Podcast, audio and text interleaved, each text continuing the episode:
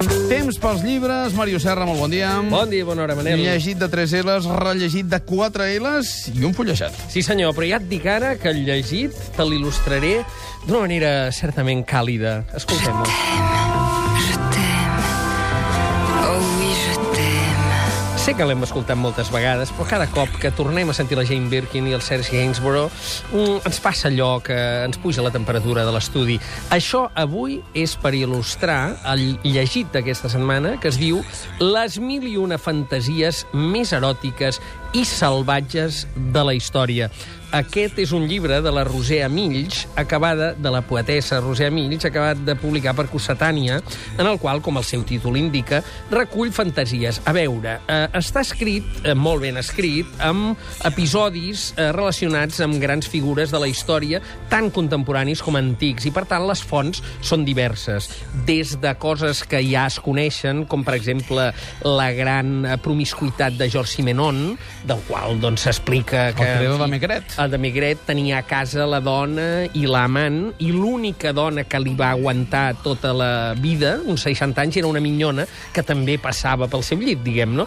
Bé, això ja, ja era conegut. És clar, hi ha altres, eh, Warren Beatty eh, fins i tot té una bio, eh, un biògraf que eh, li marca 12.775 amants, que jo ja ho trobo, diguem, d'una precisió esfereïda, i eh, eh, especifica que els fregaments i polvets ràpids no hi entren en aquesta llista. Ah, o sigui que, en fi, a banda, no? A veure, per tant, aquí hi ha coses que ja se sabien, i hi ha d'altres coses que eh, són entrevistes directes de la Roser Mills amb gent de la nostra quotidianitat, dels quals es parla de fantasies, de fantasies, diguem, eh, fonètiques, o de si li, espla, eh, si li agrada que li expliquin històries mentre està fent sexe, etc. Eh, hi ha coses com eh, la famosa bufetada que li va clavar el Mario Vargas Llosa, el Gabriel García Márquez, una mica la història del que hi havia al darrere, que aquí s'explica, mm, i sí, hi havia una dona i una hostessa, però no entre ells dos, sinó que era com una indiscreció, eh, per entendre'ns, eh, matrimonial, no? que va acabar amb aquest conflicte que, de fet, els ha separat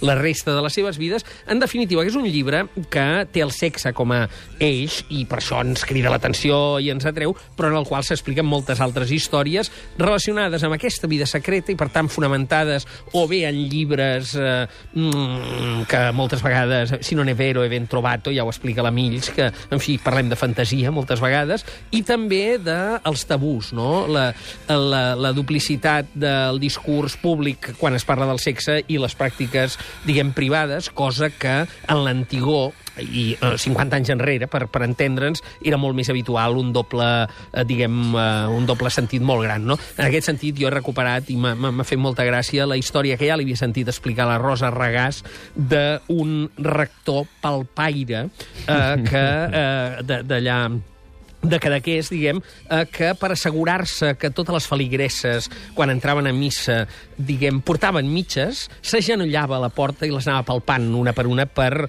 detectar eh, que, en efecte, hi haguessin mitges, no? En fi, el sexe ens mou moltes passions altes, baixes, algunes ben ridícules, i les fantasies sempre acaben sent eh, històries molt, molt privades, Sí. però que ens mouen, ens encenen i ens permeten relacionar-nos, encara que no sigui amb 12.775 amants. Vull dir, de vegades n'hi ha prou amb una Sí. i ben, diguem, i ben intensa, no? uh, en tot cas, un llibre refrescant, com ja us podeu imaginar, amb uh, una lectura amena, suggeridora, ben escrita, prou contextualitzada, les mil i una fantasies més eròtiques i salvatges de la història de la poeta Roser Amills. Això a Cossetània Mots clau.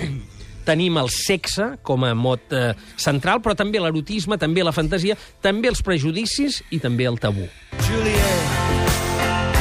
The dice was loaded Dire Straits, Romeo and Juliet. Sí, senyor, passem del sexe a l'amor, que, en fi, són territoris limítrofes, però no sempre coincidents, i ens enfrontem a una reedició d'un dels clàssics universals, d'aquest Romeu i Julieta, que aquí, en una nova traducció en prosa, de Miquel Desclot. Això ho ha editat Bambú, i és clarament, és una edició molt bonica, amb tapadura, il·lustrada, i és clarament un intent que la gent jove eh, que el lector jove, no necessàriament escolar, sinó jove, s'enfronti, diguem, amb aquesta història de la qual segur que ha sentit a parlar milers de vegades, dels amants, diguem, de Verona, amb dues famílies, un amor impossible perquè les famílies estan enfrontades, però s'hi eh, acosti amb, amb més facilitat de lectura. Eh, òbviament, eh, ho explica molt bé Miquel Desclot, ell poeta, ell mateix, en el pròleg, que no és el mateix traduir la forma, i traduir, per tant, en vers Shakespeare, que fer una traducció, diguem, literal i prosaica. Ara bé, jo me l'he rellegida i és de molt bon llegir. Quatre L's li has posat. Sí, sí, entres clarament en la història. Vull dir que no és, una, eh, no, no és un resum, és l'obra completa, és el Romeu i Julieta. Hi ha aquest fet que eh, ha triat de traduir en català, és a dir, de catalanitzar Romeu. Moltes vegades es catalanitza Julieta, eh, se li Sí. posa, però no Romeo, eh, se li deixa en italià. Llavors, això vol dir que els Capuletto i els Montesco aquí es diuen Capulets i Montaguts, perquè és la, la traducció, això també ho explica bé en Desclot. En tot cas, està una mica en la línia de l'operació que fa en, en Quico Mira, per exemple, que ha traduït en prosa la Divina Comèdia o l'Odissea, eh, jo trobo que és una bona mm, manera d'introduir algú d'una història que aparentment coneixes, no? però que després quan t'hi fiques a dins, òbviament és eh, el, la matriu de totes, de love story, de totes les guerres de bandes, de tots els amors impossibles que hi ha hagut en la narrativa universal, i per tant és un clàssic que mereix arribar a un lector jove, i no tan jove, que li faci potser basarda o angúnia enfrontar-se en una llengua rimada i una mica d'un to més elevat. Aquí ens trobem en una prosa, diguem, de bon llegir, i tenim el Romeu i Julieta tal com el va parir el senyor Guillem Shakespeare. Mots clau. Aquí tenim, doncs, amor i matrimoni, però també conveniència, però també bàndols i, sobretot, sobretot, aquesta escena de Verona.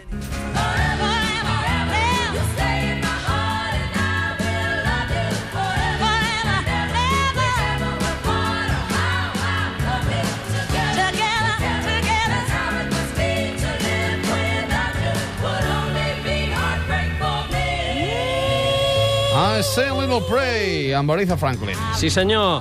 Hem començat pecant tant com hem pogut, Mhm. eh, amb les fantasies eròtiques mil i una, i acabem pregant, diguem, no? Eh, perquè m'ha semblat que era, que era també interessant. A veure, això és per il·lustrar Preguem de la A la Z, un llibre eh, d'en Juanjo Fernández Sola, eh, publicat per Claret, com pertoca, una, Sí, diguem, sí. una editorial. Eh?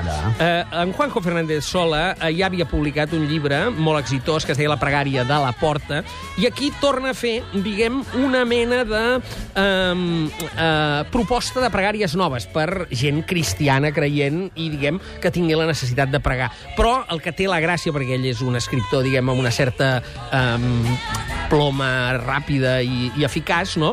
eh, que fa oracions sobre la pau i l'univers, però també sobre la roba bruta. I oracions sobre les paraules, però també sobre la pasta de dents. En aquest sentit, acosta una cosa que aparentment és tan sagrada com una pregària a la quotidianitat, de manera que les famílies que tenen aquesta creença i, per tant, que preguen, eh, puguin pregar juntes des d'una manera mm, més, més o menys propera a la seva canalla, no?